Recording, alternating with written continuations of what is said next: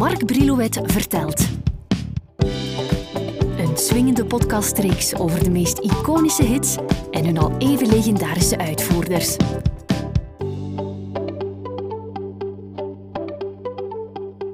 Onthouden heb ik het niet, maar ik vermoed niet dat de media in ons land de 8 december 1994 lang hebben stilgestaan bij het overlijden van de Braziliaanse koning van de Bossa Nova, Antonio Carlos Jobim, door zijn vrienden kortweg Tom genoemd. Ik weet nog goed dat toen ik de 1 april 1975 voor de allereerste keer bij de VRT een plaat aankondigde, dat het So Danzo Samba was van João Gilberto samen met Antonio Carlos Jobim. Dat was in mijn dinsdagavondprogramma Tot de Laatste Man. Dat liedje stond op de LP uit 64 Stan Getz, João Gilberto featuring Stan Getz, met daarop ook The Girl from Ipanema. Sta me toe die mevrouw even uitgebreid en galant aan je voor te stellen. Het was in de winter van 1961 dat componist Antonio Carlos Jobim in de Veloso Bar aan het Ipanema-strand in de buurt van Rio de Janeiro samen met diplomaat en dichter Vinicius de Moraes van zijn koffie zat te genieten. Op een bepaald moment zien ze daar een meisje in haar schooluniform passeren en enkele dagen later spotten ze datzelfde meisje in haar bikini op het strand. Ze blijven haar dagenlang van op afstand volgen. Op weg naar de kapper, naar de tandarts, naar de kleermaker. Ze was, hoe zou ik het omschrijven, een typische Braziliaanse schone, groene ogen, zwart haar, een goudgele huid, was een jaar of vijftien en aanlokkelijk mooi. Mag ik beide heren, die je niet te snel als voyeurs moet bestempelen, even aan je voorstellen. Jobim en Vinicius, die waren verre neven van elkaar. Ze hadden eerder al samengewerkt aan de soundtrack van de Marcel Camus film Orfeo Negro op het einde van de jaren 50.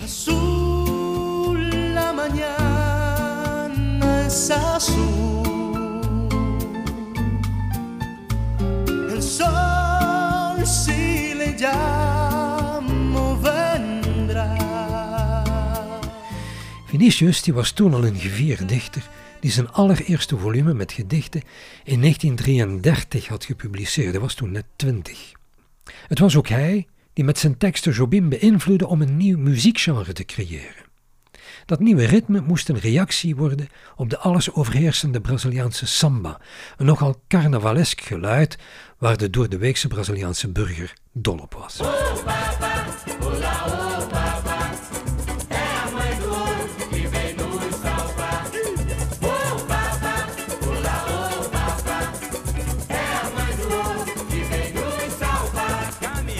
Jobim wou iets anders laten horen en dat werd de bossa nova, een nieuw geluid dus, in het begin vooral gewaardeerd door de Braziliaanse elite. Op zekere dag, Antonia en Vinicius, die zitten weer samen in de Veloso-bar, stapt dat beeldmooie meisje van daarnet het café binnen om daar sigaretten voor haar moeder te kopen. Het enige wat die heren met hun beiden doen, is blijven staren naar dat kind. Niemand maakt aanstalten om naar haar toe te stappen en kennis met haar te maken. Jobim was trouwens getrouwd en Vinicius, die intussen al een keer of tien gehuwd was, hield ook de boot af. Maar geleidelijk aan geraken ze een tijdje later aan de praat en komen ze te weten dat ze Eloisa Eneida Pinto heet. Drie jaar later trouwt ze en vraagt ze Jobim of hij haar getuige wilt zijn. Maar eerst was er dus dat bewuste liedje. Nu blijkt echter dat het enige juiste verhaal is dat beide heren die song niet samen in de Veloso-bar schreven, maar elk op hun eigen terrein. Jobim de melodie thuis aan de piano en Vinicius de tekst in zijn verblijf in de bergen in het dorpje Petropolis. Als invalshoek schrijft hij over een man die wat in de put zit, who's having the blues, maar die een knappe griet in de gaten krijgt, a girl full of swing. Het is alsof door haar de hemel opklaart.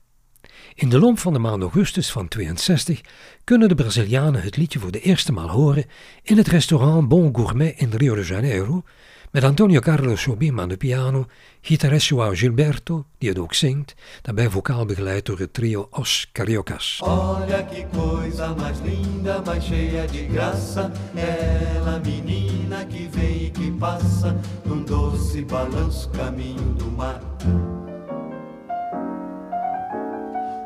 Do corpo dourado do sol de Ipanema, o seu balançado é mais que um poema, é a coisa mais linda que eu já vi passar.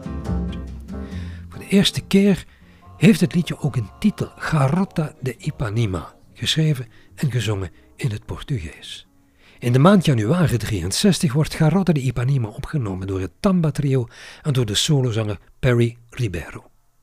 Bij de opname hebben de geschiedenis niet gehaald en mogen we dus vergeten. Pas een jaar later geraakt het liedje bekend wanneer de Amerikaanse saxofonist Stan Getz, die intussen verzot is geraakt op de bossa nova, akkoord gaat om samen met Jobim een opnamesessie op het getouw te zetten in New York. Intussen had de Amerikaanse tekstschrijver Norman Gimbel er Engelse woorden bij geschreven met als titel The Girl from Ipanema. Wat dat betreft herinnerde Jobim zich jaren later nog het tafereel toen hij op weg was van het vliegveld naar de studio. In de taxi zat met zijn gebloemd hem nog aan en dat in hartje winter. En hoe hij met hand en tand aan Gimbel probeerde uit te leggen waarover de originele Portugese tekst ging en hoe die in het Engels ongeveer moest klinken. Gimbel die had eerst niet door dat Ipanema de naam van een bekend strand was in Rio. Hij wou dat woord zelfs laten vallen, maar goed. Het liedje loopt nogthans over van saudade vrij vertaald van verdriet, verlangen en nostalgie. Olha que coisa mais linda, mais cheia de graça.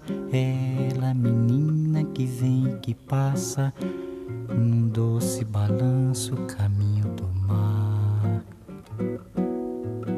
Moça do corpo dourado do sol de Ipanema, o seu balançado é mais que um poema.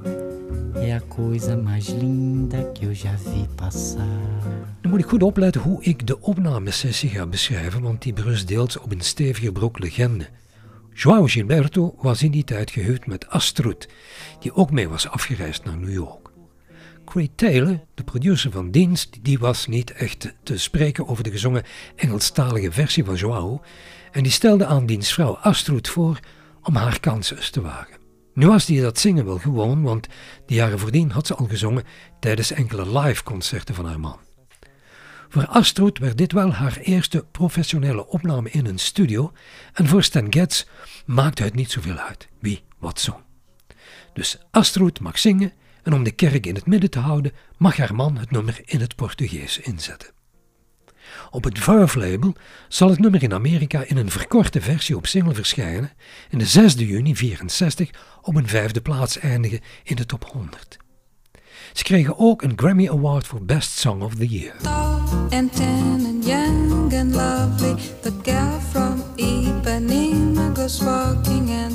she passes, each one she Voor Getz was het de tweede keer dat hij in de top 100 stond met een single. De 29 september 62 was hem dat al gelukt samen met Charlie Bird en een versie van Desafinado, ook een bossa nova nummer van de hand van Antonio Carlos Jobim.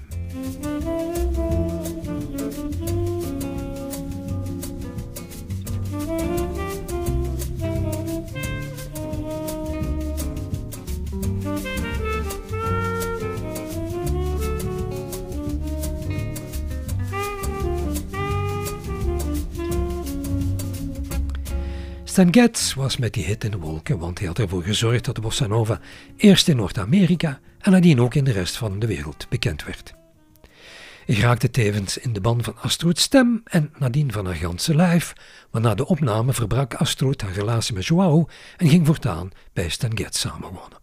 Dat werd een druk bestaan. Niet alleen haar man was een zeer populaire muzikant, zij zou de leading lady van de bossa nova worden met de ene plaat na de andere en aan live optredens had ze ook al geen tekort. Mag ik in de marge nog even vermelden dat Bebel Gilberto, dochter van Astrid en João, intussen een gevierde Braziliaanse zangeres is geworden. Bossa Nova was dus midden de jaren 60 geen exclusieve muziek meer die je alleen maar kon horen in de dure nightclubs in Copacabana. Tijdens hun concerten in Brazilië hadden jazzmuzici als Charlie Bird en Benny Goodman het genre gehoord en opgepikt en meteen ook aangevoeld dat de bossa nova en de jazz een geslaagd huwelijk kon worden. Tussen 64 en 66 belanden meer dan 40 covers van The Girl from Ipanema op vinyl. Frank Sinatra, Nat King Cole en Sammy Davis Jr. eisten gulzig het manaandeel op. De dames zongen een aangepaste versie, met name The Boy from Ipanema, op later terug te horen door onder meer Ella Fitzgerald, Lena Horne en Peggy Lee gezongen. Tall and tan and young and handsome, the boy from Ipanema goes walking, and when he passes each girl he passes goes. Ah. Ook de popmuziek liet de Girl from Ipanema niet links liggen. De Four Tops durfden het aan het liedje op te nemen voor een LP The Four Tops Live. Voor zijn langspeler Kinda Latin nam Cliff Richard het op op het Columbia label. Tall and tanned and young and lovely, the girl from Ipanema goes walking, and when she passes, each one she passes goes out. En in 86 zongen de B-52's over Girl from Ipanema Goes to Greenland. Het kon niet uitblijven of sommigen lieten de tekst links liggen om via een instrumentale aanpak met de eer en de aandacht te gaan lopen, zoals Aske Peterson op zijn piano, toen hij voor het Pablo-label zijn eh, LP We Get Requests inblikte. Ook Charlie Bird deed zijn uiterste best toen hij voor zijn album The Bossa Nova Years een poging ondernam. Tegen 1990 had iemand berekend dat The Girl from Ipanema het vijfde meest gespeelde liedje in de wereld was met een totaalscore van meer dan 3 miljoen. Antonio Carlos Jobim die kon op een bepaald moment zijn liedje niet meer horen. Er waren volgens hem te veel versies opgenomen. Al vertelde hij er wel niet bij hoeveel hij er qua auteursrechten aan over had gehouden.